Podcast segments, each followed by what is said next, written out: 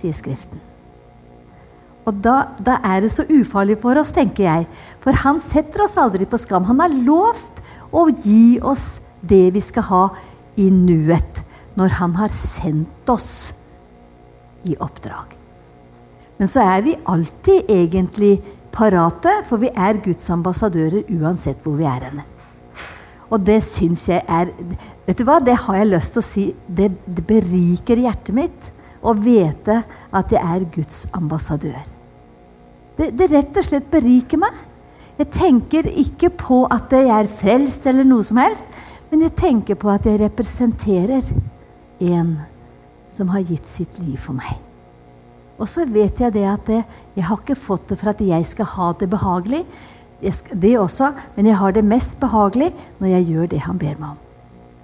Og det er å være koselig. Det er å være hyggelig. Det er rett og slett å være imøtekommende med andre mennesker. Det er så ufarlig å sette deg inn i noe som du ikke har vært med på før. Så istandsetter han deg til det. Du og jeg skal ikke gå rundt som noen sånne uviselige kløner. Nei, det har han aldri sendt ut. Men han har sendt oss ut til å gi det han har gitt deg og meg. Og da senker vi skuldrene, og så aksepterer vi oss sjøl. Det er det viktigste du kan gjøre. Det er å akseptere deg sjøl. For du kan ikke gi noe du ikke selv har. Nei, du kan ikke det. Du kan ha lyst, men du kan ikke gi det du ikke har. Men hvis du vet hva du har i frelsen, da har du forsynet med alt. Det er det som er det fantastiske. Og så skal vi ikke være like heller, skal vi det, da? Nei, herligheten. Kan du tenke noe så kjedelig? skal vi ta neste der, Inger? Anerkjente synder. Og det er ofte kritikk. Altså meninger om ditt og datt. Og det som ikke du kan tale med lyset, det kan du tie stille om hvis det ikke handler om konfidensielle samtaler. Det har du heller ikke lov til å si videre. Ikke sant? Dette bør ikke jeg fortelle, det vet dere. Har vi, eh, har vi, hørt noe som vi, som vi, For vet du, har du hørt en ting, og så går du videre med den, og den tiende som hører den beskjeden, den kjenner du iallfall ikke igjen når du sa den. Det er bare sånn det er. Det er noe som heter kviskeleken, er det ikke det? Det går på noe av det samme. så er det ikke noe Har du fortrolighet og ikke kan si et positivt vitnesbyrd, så ti stille. La det være. Men her, vet du Jeg har jo vært med på, på masse, masse, settinger i forhold til dette her med samtaler både til lederrådet og dette her i Jeg har vært ofte i, ikke ofte, men jeg har vært noen ganger i eldsterådsmøter og sånn. For å finne hvor konflikt ligger. Og konflikt, den, den ligger alltid i oss. Konflikten, den ligger i meg. Og Derfor er det så viktig at vi kan ikke komme for å si at ja, du gjør feil der, du gjør det der og du Nei, det er å se hva Guds ord sier. Det er der løsermakten ligger. Og så er det da Jeg må forvandle meg bort fra det. Jeg må legge vekk det og gjøre sånn. Det er jo sånn livet vårt er, er det ikke det, da? Det skal jo være så ufarlig, og så skal vi elske hverandre på tross av. Og det er ikke enkelt. For når Jesus sa til meg at du skal ikke Du kan ikke forlange å bli elska, men du skal elske. Det var ikke enkelt. Det var utrolig vanskelig. For, og da husker jeg så godt det jeg sa til Jesus, at ja, det kan du si. Det er fine ord. Men det klarer ikke jeg. Men du må hjelpe meg. Og det at jeg sa 'du må hjelpe meg', det var det som skulle til. Hadde jeg sagt at det klarer jeg ikke, så hadde det blitt min tro. For det du bekjenner ut her mange nok ganger, har du sagt sjøl at ja, 'nei, jeg er for dum til det', og du har sagt det mange nok ganger, så er det troa di. Men det står ikke skrevet at du er for dum til det. Det du bekjenner mange nok ganger som kommer ut her, det blir en tro. Jeg vet ei som snakka så negativt om ektemannen sin. Til slutt så skjedde det. Fordi at hun hadde talt det ut så lenge at det var ingenting igjen hos henne. Og det er viktig med ord. Ord skaper det det sier. Derfor er det så viktig å snakke vel. Snakke positivt. Og hvis du har noe negativt å si, så snakk med han som tåler det. Han bærer det ikke videre engang. Han er helt utrolig. Galaterne 5,20 snakker om kjødets gjerninger, som er åpenbare. åpenbare. Det er fiendskap, trette, avundsjuke, sinne, splittelse, partier, misunnelse og annet slikt. Og så vet vi det, at alt dette som står der, det handler om et forhold innom meg som ikke er tilgitt. Og det jeg ikke er villig til å bære til Herren, det får jeg ikke tilgivelse for. For jeg må navngi det for at han vil så indre vel vite at jeg vet hva han har løst meg fra. Han har gjort det ferdig, han. Men han vil så inderlig vel at jeg også skal se det. For det er jo jeg som lever her på jorda. Han er jo fri. Men han vil også at jeg skal bli fri fra det for å ha et velsigna godt liv. Og det kan jeg bare fortelle dere at det er utrolig og det absolutt det beste du kan tenke deg. Men så er det slik vet du, at Jesus han, eh, Peter, han, eh, Peter var storkjefta, vi kjenner han. Om alle andre fornekter deg, så skal iallfall ikke jeg. Og det er ikke vanskelig å si, ha, være sånn positiv i gode tider. Det var ikke noe vanskelig å ha det høy bekjennelse når Jesus gikk ved sida. Men den dagen han ikke var der, så var det lettvint å si på grunn av frykt jeg kjenner han ikke. Og du og jeg er under samme vilkår som Peter. Akkurat under samme vilkår. Og så vet vi det at Peter han, Nei, Jesus kjente jo Peter lenge før han hadde sagt det at om alle andre fornekter, så skal ikke jeg. Jesus visste det. Og han sier til Peter at innen hanen har galt, Peter, har du fornekta meg tre ganger. Tror du Peter trodde det? Nei. Han var så sikker, for Jesus var der. Ja. Så plutselig var han aleine. Og så visste han at han var ute etter å bli tatt hvis han tilkjennega. Og hvor lett er det ikke å si 'nei, jeg kjenner han ikke'. Jeg tenker på alle disse her som mister livet sitt for bekjennelsen av Kristus nedover eh, de landa som finnes. De må bøte med livet for din tros skyld. Det er halshugging og det er dreping på masse måter. Men De viker ikke bort ifra at de har møtt Faderen selv. Og da er det så viktig at du og jeg vet hvem han er, og hvem vi er i ham. Det er det absolutt viktigste. For målet ditt og mitt, det er å få lov til å være sammen med ham. Så Derfor kan ingen si at 'jeg vil ikke', men Jesus, jeg bare ber deg om hjelp meg. Så at vi er forberedt hvis, det, om den dagen skulle komme. Det er så viktig. Og så er det viktig at vi er sammen. For det er så veldig sunt å oppbygge hverandre i tro og tillit til at det som kommer, at, det, at vi aldri står aleine med kampen vår. At vi vet hvem vi skal ringe til, og vi vet hvem vi kan kontakte. Så at vi er mange på laget.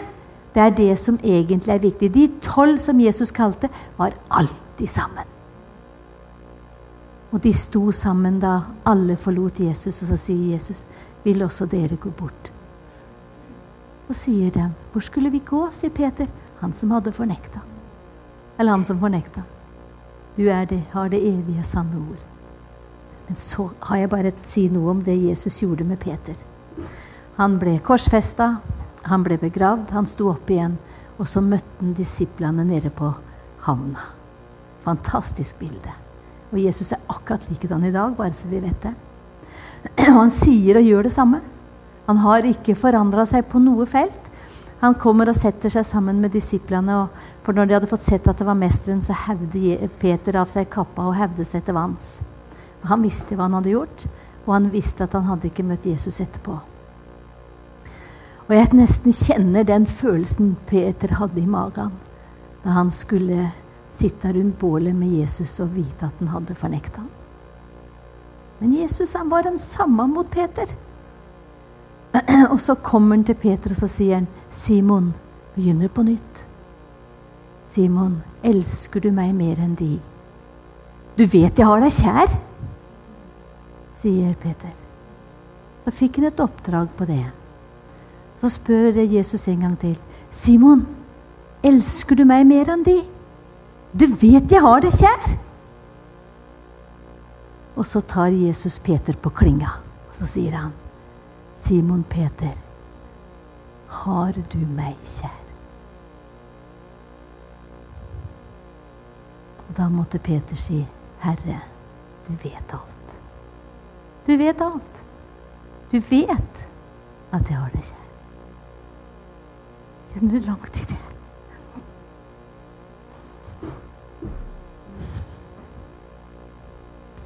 Jeg er så glad for at jeg kjenner min Jesus.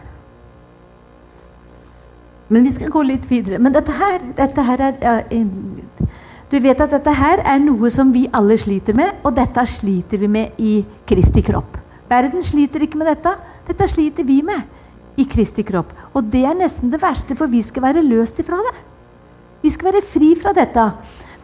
Og dette her er to eldstebrødre. Jeg sier ikke at det er det, men det, det er to eldstebrødre. og du vet åssen det er med eldstebrødre? De liker at eh, folk tar kontakt med dem, for de har jo en verdighet, ikke sant? Og så får den ene mer kontakter enn den andre. Og det er ikke enkelt vet du, hvis du er avhengig av kontakt. Dere hører hva jeg sier? Det er helt sant. Det er lett å ha en fiende. Det er lett å få venner hvis vi har felles fiender. Veldig lett.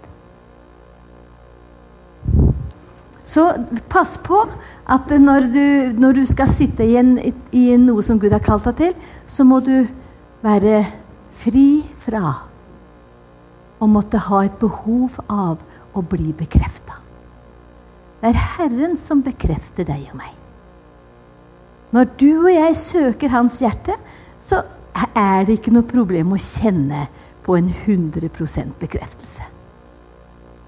Det er helt sant. Hvis mennesker skal gå rundt og være avhengig av å måtte si og så vakker du er, og så pen du er, og så flott Nei, vet du hva? Det har du fått utstyr til å si sjæl. Helt sant. Jeg husker så godt, Nå har jo Tore jeg har hatt 122 jenter boende hos oss. da. Og hun ene hun slo i eh, bordet i stua, for vi har jo hel vegg med speil. Og så sier hun 'Har du sett noe så stygt?' sier hun, så kikker hun på seg sjøl i speilet.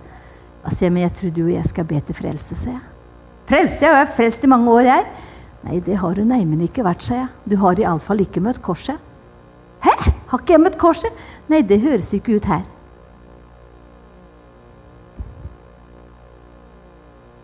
Da hadde du sagt 'Takk, Jesus, for at jeg er til'. Takk for at jeg, jeg er jeg.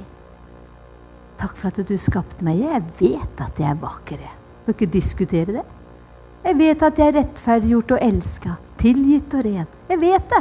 Jeg behøver ingen bekreftelse på det. Men det er så koselig når noen kommer og sier 'Berit, så koselig. Se det.' og det kan vi gjøre mange ganger om dagen med forskjellige mennesker. For du vet, Klapp på skuldra og koselig å se det. Det løfter for det første deg. Og det løfter den du klapper på skuldra. Du skal ikke ha lyst til å gjøre sånn for Herren har sagt vi skal. Det er ikke noe som er lystbetont, men det er veldig, veldig koselig. tar vi neste, Inger. Vi kan forstå, men behøver ikke akseptere eller være enig i det som motparten snakker om. Det er viktig at vi ikke spiller på lag med kritikk. Og det er noe av faren vet du, hvis du hører noe, og så har, si at noen kommer til deg og så snakker om meg, og så treffer du en annen, så har den også noe mot meg. Ikke sant? Bare så setter på ting. Og det er ikke så vanskelig å komme med i kritikken. Og så blir denne der surret større og større, og så er vi fanga i kritikk. Og så mister vi velsignelsen. Jeg mister den ikke, at dere snakker stygt om meg. Det er de som snakker stygt om meg, som mister velsignelsen. Følger vi med? Dere følger med på det? Fantastisk. Jeg har tenkt på det så mange ganger. Ja, jeg la de prate. Så lenge du vet det er løgn og ikke det, det er noe som henger på greip, så må du bare la de prate. Så går du videre. Herlig. Her er det viktig at jeg, vi vet min, vår rolle, som er Jesus sinnelag. For det står at det har du og dette sinnelag som er Jesus Kristus. Skille person og sak er også viktig. Dette må dere vite, mine kjære brødre, står det, men det gjelder søstre òg. Enhver skal være snart til å høre, men sent til å tale og sent til å bli sint. Dette er en redningsplanke for deg og meg. Det, det Herren er ute etter hele tida, det er å hjelpe deg og meg til å ha det godt. Ingenting annet. Han har ikke sagt du skal, men han har sagt det er mulig. Kom igjen. Så tar vi neste. Her krukka, vet du, når jeg kom til verden, så fikk jeg fikk jeg se i, i, første, Da jeg prøvde å ta livet mitt og kom til meg sjøl, så viste Jesus meg en, en, fantastisk krukke. Og da skjønte jeg at det var ikke farlig å være rund. Hva måtte halsen måtte være litt lang? kan du ta neste? Krukka mi er i dag verdifull, tilgitt, rettferdiggjort, elska, ren, unik vakker og fri. Det er den nye skapningen i Kristus. Det er krukka mi i dag. Men krukka mi har vært så full av smerte, så full av, av alt som gjorde at jeg ikke hadde lyst til å leve. Kan vi ta neste? Og hva er det som har fylt krukka mi med det, da? Jo, det er Guds ord. Kom igjen, du, Inger. Resultat av lydighet og villighet. Meg selv har gjort det med Guds ord. Det er det som har fylt krukka mi til det som den er i dag. Det er ordet og meg som har gitt meg selv ordet. Når det står at 'mine ører er min sjels munn', så visste jeg og skjønte jeg at, det, at jeg trodde jeg var ludder når jeg var elleve år. Jeg hadde ikke hørt annet. Jeg hadde hørt at jeg var dum, at jeg var stygg og skulle aldri vært født. Dette var min tro. Og så viser Herren bildet av meg på veggen av ei så vakkert bilde. Og så sier jeg til Jesus dette bildet vil jeg ha. Og så har jeg kommunikasjon med Herren i uh, halvannen uke. Og så viser han meg at det bildet var kommet av at mine ører er sjelens munn. Troen kommer av forkynnelsen.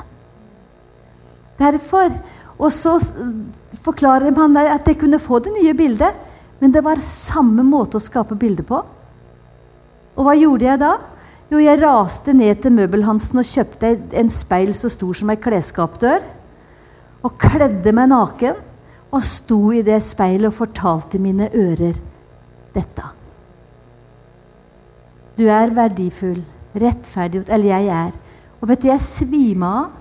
Jeg kasta opp. Jeg holdt på i halvannet år før jeg virkelig skjønte at det var blitt den nye skapningen. Fantastisk. Det er en vei å gå, mine venner. Det kommer ikke i postkassa. Det gjør ikke det. Det er en livsvandring.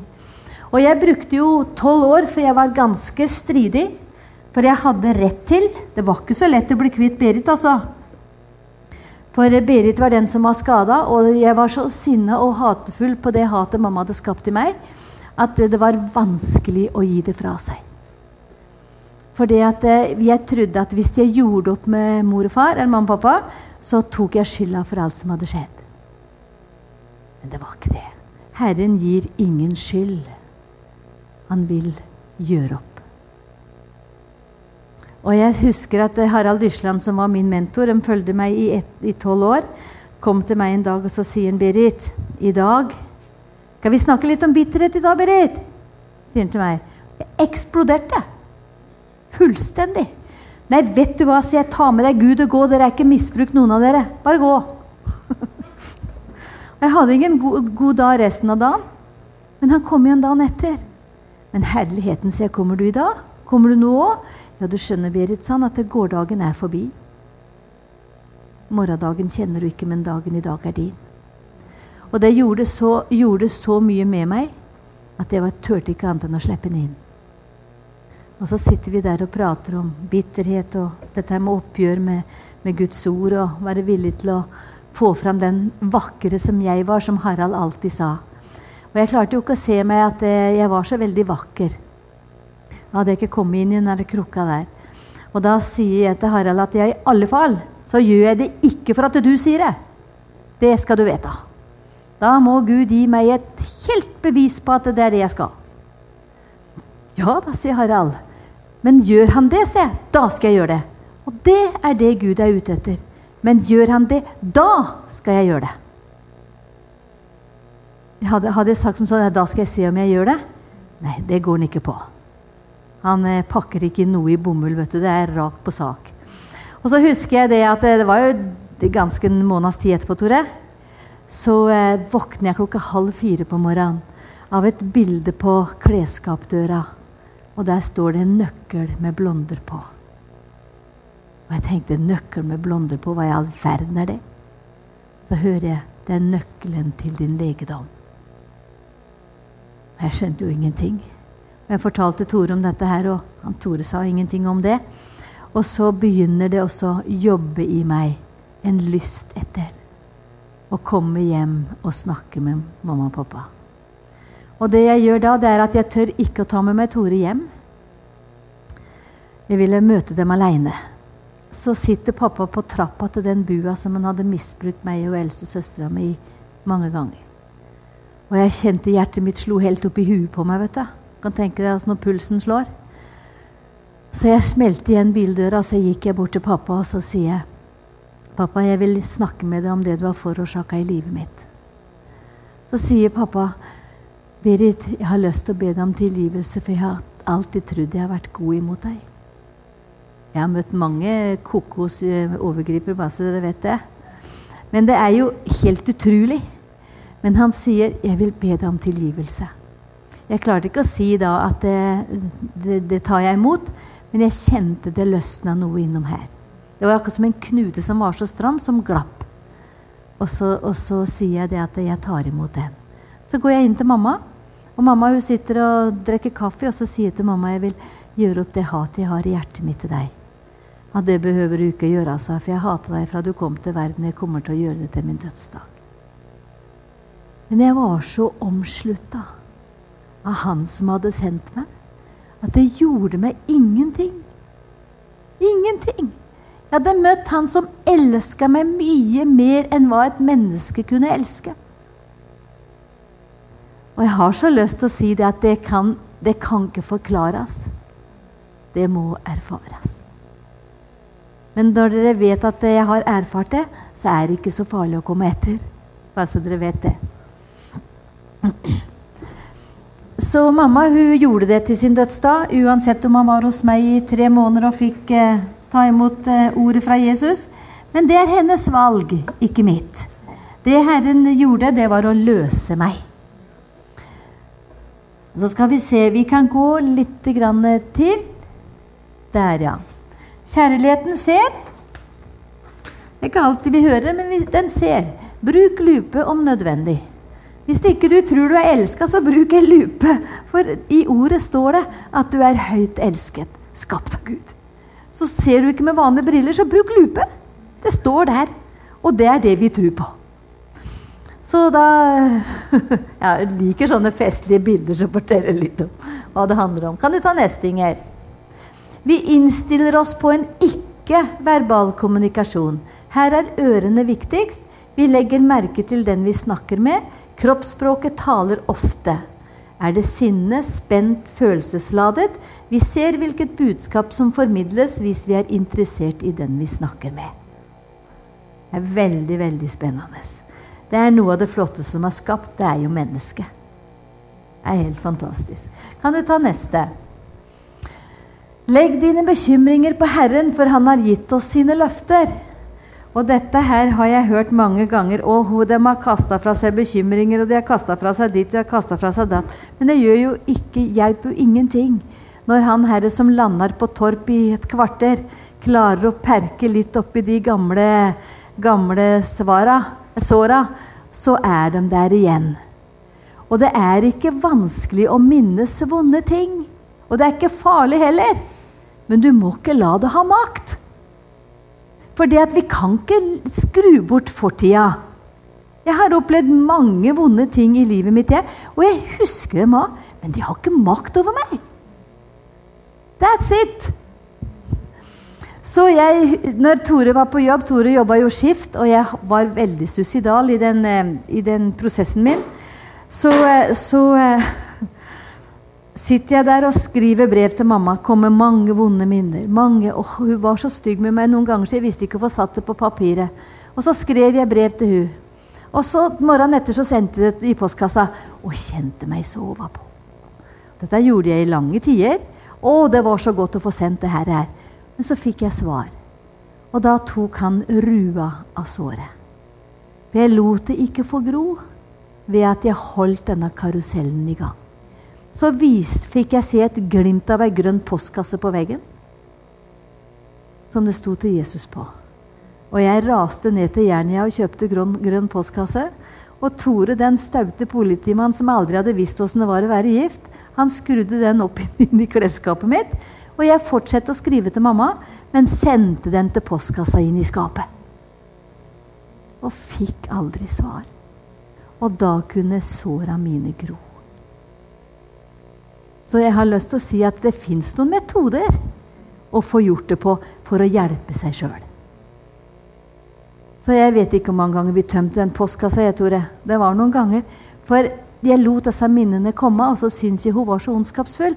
Men vet du, når ikke jeg fikk svar på at hvor elendig jeg var, så tok Herren dette der. der. Jeg holdt meg på med den postkassa i Ja, det hender ennå at jeg skriver ned en del ting. For du vet at når du har levd Jeg har jo bodd i trappeoppganger i Oslo i over seks måneder. Jeg var jo reddere menneskene enn rottene i bakgården. Fordi at jeg hadde så angst for mennesker at det kan ikke forklares. Så, så du vet at Herren har beskytta meg uansett hvor jeg har vært. For jeg tror at jeg spurte Herren når vi, når vi fikk beskjed om at vi måtte ta oss før det var en nødlanding i Kristiansund. Så kom det en sånn slow motion for meg. 'Jesus, hvor, hvor har du vært?' Og da fikk jeg se at det var noen gatelys i alle konfliktene i livet mitt opp gjennom åra. Han hadde vært her. Men jeg hadde ikke turt å ta dem. Men han gir seg ikke. Jeg har bare lyst til å si det til deg. Han gir seg ikke før han har deg der han vil du skal være. Han gir seg ikke. Han, det er jo ingen han elsker høyere enn deg. Det er ingen. Og jeg kan si det samme til meg, så jeg bør ikke misunne deg. Nei, han gjør ikke forskjell på oss. Og Derfor er det så inderlig godt å vite at du kan snakke om en som alle kan få lov til å kjenne rausheten av. Jeg bør ikke stå her og kjenne, si at jeg kjenner Olav, for at han er så god, og så gir han meg så masse, og så får ikke du noe av det. Nei, jeg kjenner en som gir oss akkurat det samme. Han har sagt at vi skal bli han lik, og det er jo den veien vi er på vei til å gå. Og så tenker jeg som så Jeg skal aldri bli utseendemessig lik Jesus, men det han gjorde, det demonstrerte han og det forklarte han, og det talte han om. Og så sier han til disiplene at 'Jeg har all makt', sier han til disiplene. Så bare gå ut og gjør. Han har, han har all makt. Jeg har ikke det. Og Derfor så blir jeg så frigjort i å gjøre det, for det er ikke jeg som gjør det. Jeg må bare gå slik at handlingen blir utført. Og det er jo helt ufarlig. Og når du vet at Jesus aldri tråkker på eller slår til et eneste menneske, så går du jo i gode handlinger, gjør du ikke det? Og så er det så ufarlig å være koselig. Du bør ikke si at det, du, 'så flott genser du har på deg'. Du bør ikke si det engang, for du vet at det mennesket har satt på seg den genseren, hun liker den. Det bør ikke være noe jeg liker. Ikke sant? Men så flott som du kledde det. Det er så ufarlig å åpne nøk med nøkler. Du og jeg skal møte mennesket. Å være hyggelig er helt ufarlig. Det har jeg lyst til å si. Så det er viktig med ei postkasse, men det står ikke det, men han sier 'kast mine bekymringer'. Jeg har skrevet ned konsekvenser av valg som jeg ikke kan få gjort noe med. For jeg har ei datter på, som jeg sa i går, på 53 år. Jeg har ikke sett henne siden 1990.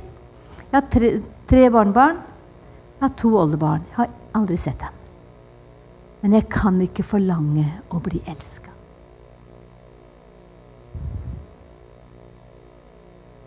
Kan ikke forlange det, men jeg skal elske. Så om de kommer til meg i morgen helt greit. Har ikke noe problem med det. Ingenting problem med det. Jeg tror jeg bare blir glad jeg, hvis de står på døra. For da har Herren vært på ferde. Og det er jo det viktigste for meg. Men hvis jeg måtte ha hatt orden på dette, så hadde jeg strevd meg i hjel. Jeg hadde kommet til å streve meg i hjel. For du kan ikke forlange at mennesker som ikke elsker deg, skal elske deg. Kan ikke. Så omstendighetene mine hadde vært fullstendig ødelagt hvis jeg skulle levd på de. Eller jeg ville vært ødelagt hvis jeg skulle levd på omstendigheter. Dere følger meg på det? Men jeg er ikke avhengig av omstendighetene for å ha det bra. For jeg lever livet mitt innenfra og ut. Og da er det Herren som legger omstendighetene på plass. Det tok en stund før jeg lærte det, men jeg har lært det. Så jeg sier at livets vei det er den flotteste skolen du kan gå. For der får du erfaringene. Der eh, får du ingen karakter, men du får resultat. Og det er det som er så fantastisk med Jesus. For det er resultatene han er ute etter, og resultatene er et samarbeid med ham og meg. Han gjør ingenting i solospill, men han, når det gjelder oss personlig, så er han alltid på lag. Han er en samarbeidspartner. Ja, han er en samarbeidspartner. Ja, jobber sammen med deg og meg. Og vet du hva? Han er så full av åndens gaver. Med tålmodighet, overbærenhet, langmodighet. Vet du hva? Alle disse tingene der bor i hans hjerte. Og så vil han at jeg skal også ha samme frukten for meg selv i prosessen i livet mitt. Jeg er nødt til å ha overbærenhet med meg selv. Jeg er nødt til å ha tålmodighet med meg selv. Og jeg er nødt til å tilgi meg selv. Ellers så ryker bruksanvisningen. Hvis ikke jeg gjør det. Og når han har sagt jeg skal gjøre det, ja, så la det stå til, da. Jeg gjør det av et oppriktig hjerte. For du kan ikke elske noen hvis ikke du elsker deg selv. En herlig bruksanvisning, er det ikke det? Fantastisk. Det er så godt å være god. Ja, det er helt sant. Det er veldig godt å være god. Så da vet dere det, at det er bare å Jeg har jo jeg har ikke postkassa lenger, men jeg, har, jeg legger ut i søppelcontainer så kommunebilen kommer og tar det med seg. Jeg skrev masse sånne konsekvenser av valg her på et par A4-ark. Og rulla det sammen og la det ut i søppelcontaineren. Så står jeg i kjøkkenvinduet, og så ser jeg containeren kommer og tar med seg på havet. Og så kommer han svarteper, vet du. Og så begynner han på samme gørr. Men halleluja, det er jo på havet. For det står 'tal til fjellet', står det. Og fjell, det betyr problem. Tal til problemet, ikke om det. Kast det i havet og det vil skje. For jeg tenker som så at det, Og det var mamma et bevis på. For med en gang mamma åpna munnen, så var det meg hun snakka om. Det var akkurat som en disket gikk opp i huet på Kunne ikke åpne munnen uten å snakke om meg. Om det hun skulle betale i butikken, eller om hun skulle snakke med postmann, så var det hele tida hvor fæl Berit var. Det er helt utrolig. Hun var programmert. Og det kan du bli hvis det du blir låst i en ting. Men jeg tror at jeg er egentlig mammas kjærlighetsbarn, bare så dere vet det. Jeg tror det. For jeg fikk vel en liten sånn eh, åpenbaring fra Herren, for jeg har jo alltid lurt på hva i all verden var dette er. Så tror jeg ikke at uh, jeg er dattera til faren min. Men det gjør ikke noe. Jeg er ikke så interessert i hvem han er heller, for jeg har møtt han som er min far. Jeg bør ikke noe mellomledd. Nei da. Trenger ikke en hel haug med familie for å ha et mellomledd. Jeg kommer rett hjem. Herlig? Yes. Miraklenes tid er ikke forbi, bare så dere vet det. Nei, det behøver, jeg ikke. Jeg behøver ikke å rote med alt dette gamle. Så kan vi ta Inger. Her, skjønner du. Det handler om å vokse i modenhet. Og da nytter det ikke å være barnslig lenger. Nei, vi skal vokse til mannlig modenhet, sier Guds ord.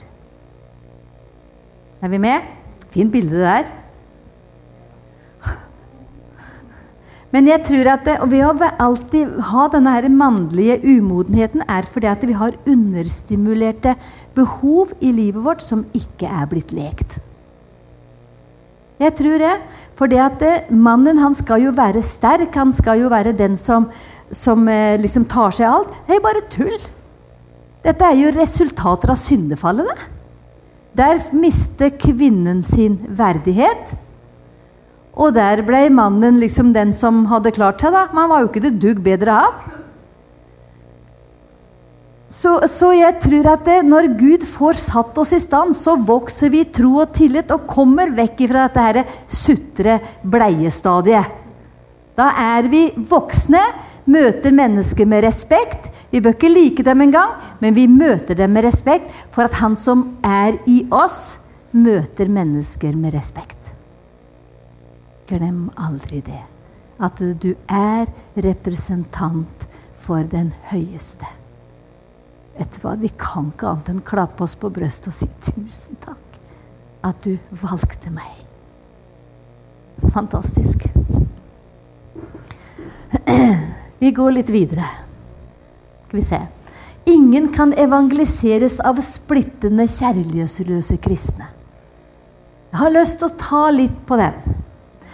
For det at det, den, da jeg var, var, midt i prosessen min Jeg kunne ikke vinne noen. Jeg kunne ikke evangelisere. Jeg hadde egentlig ikke noe godt å si verken om meg eller om noen annen. For alt inni her var kaos. Og Derfor så vinner du ikke. Du får bare en aksept på at det er greit. Berit får et klapp på skuldra, det går nok bra. Men det hjelper ingen. Det hjelper ingen med et klapp på skuldra. Vi skal hjelpe dem ut av situasjonen. Så ingen kan evangeliseres av splittende, kjærlighetsløse kristne. Vi, vi, vi, I dag så er det jo fryktelig mange av dem som egentlig ikke har funnet seg til rette noen plass. Og det er for at de har ikke blitt møtt på sine behov. For det er henne slik vet du, Kom til oss og bli som oss. Det står ikke i Guds ord.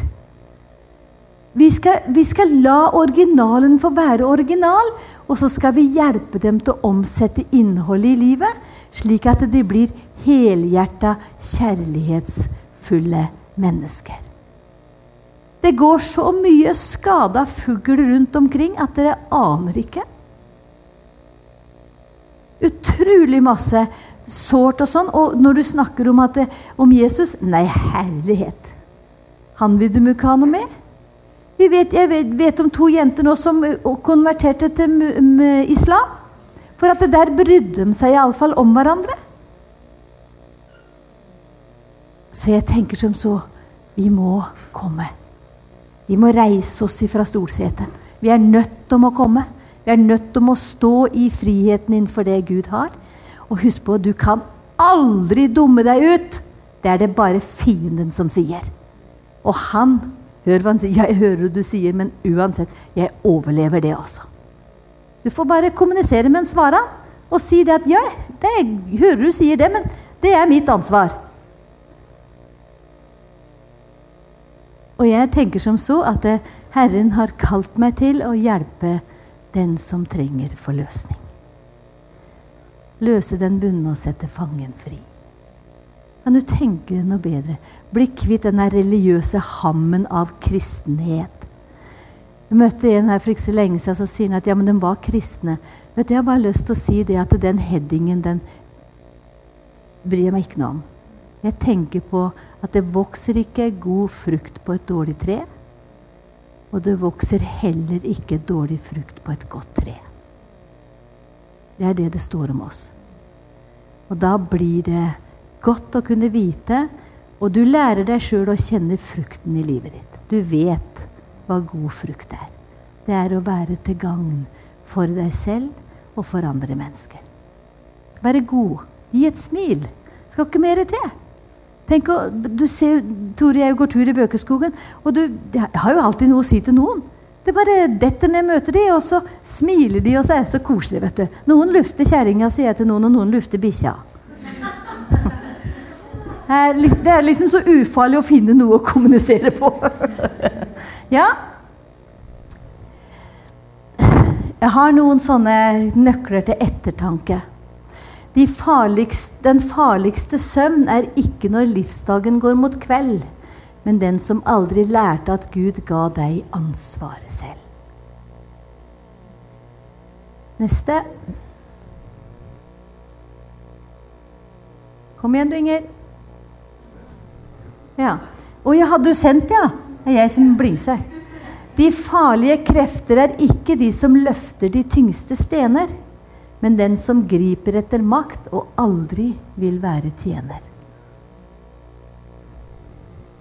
Den farlige blindhet er ikke når øynene fungerer, men den som fullkommen kan se og ikke registrere. Den farlige døvhet er ikke hvor lydene ikke høres, men den som kan fatte hver tone uten at hjertet berøres